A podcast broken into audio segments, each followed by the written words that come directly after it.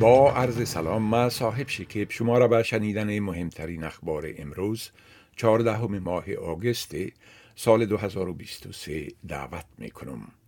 والدین یک پناهجوی ایرانی که در جریان شورش ها در جزیره مانوس در سال 2014 به قتل رسید با حکومت فدرالی و شرکت امنیتی G4S در مورد جبران خساره به توافق محرمانه رسیدند.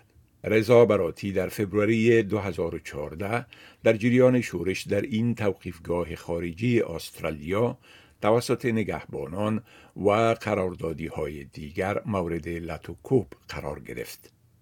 یک گزارش جدید نشان می دهد که کارگران ضروری مجبورند تا 70 فیصد از درآمد خود را برای کرایه خانه هایشان بپردازند. این گزارش نشان می دهد که معلمین کودکستان ها پرستاران و کارگران مراقبت از بزرگسالان مشغول کارهای تمام وقت از هر یکصد نفرشان صرف یک نفر توان پرداخت کرایه را دارند.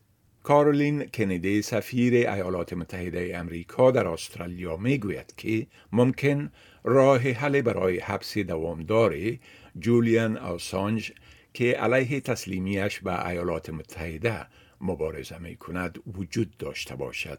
این بنیانگذار ویکیلیکس سالها در محاکم بریتانیا تلاش کرده تا از اعزامش به ایالات متحده جلوگیری کند جایی که با اتهامات جاسوسی و افشای اسناد محرمانه دولتی مواجه است.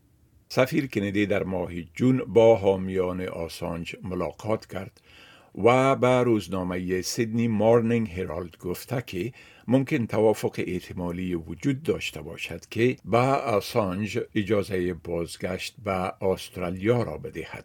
بی بی سی به قبل از منابع ناشناسی از دستگیری پاینده محمد عربزاده عضو سابق مجلس نمایندگان شورای ملی افغانستان از ولایت سرپل و تخریب خانه او توسط مقامات طالبان گزارش داده است. گفته می شود که آقای عربزاده در ماه جولای پارسال به دعوت طالبان و با دریافت تضمین مسئولیتش از ایران به افغانستان برگشته بود. این در حال است که وزارت اطلاعات و فرهنگ طالبان دیروز تصویر را به نشر رسان که با گفته این وزارت نشان دهنده استقبال از برگشت بعضی از استادان پوهنتون ها به افغانستان بود. در یک حادثه گلوله‌باری در مقبره شاچراغ در مرکز ولایت شیراز مقدسترین مکان در جنوب ایران حداقل یک نفر کشته و هشت نفر دیگر زخمی شدهاند. تلویزیون دولتی ایران گزارش داده که این حمله کار یک مرد مسلح بود که دستگیر شده است. خبرگزاری تصنیم شمار کشته شده ها را دو تن گزارش داده که از خادمان این زیارت بودند. در حالی که صدر اعظم در صورت رسیدن تیم فوتبال زنان استرالیا به قهرمانی در جام جهانی برگزاری جشن ملی را تقاضا کرده رخصتی رسمی به افتخار این پیروزی بیشتر و بیشتر محتمل به نظر می رسد. تیم زنان استرالیا مشهور به Matildas که اینک به مرحله نیمه نهایی یا semi final رسیده روز چهارشنبه برای نیل به مرحله نهایی این تورنمنت با تیم انگلستان مسابقه خواهد کرد.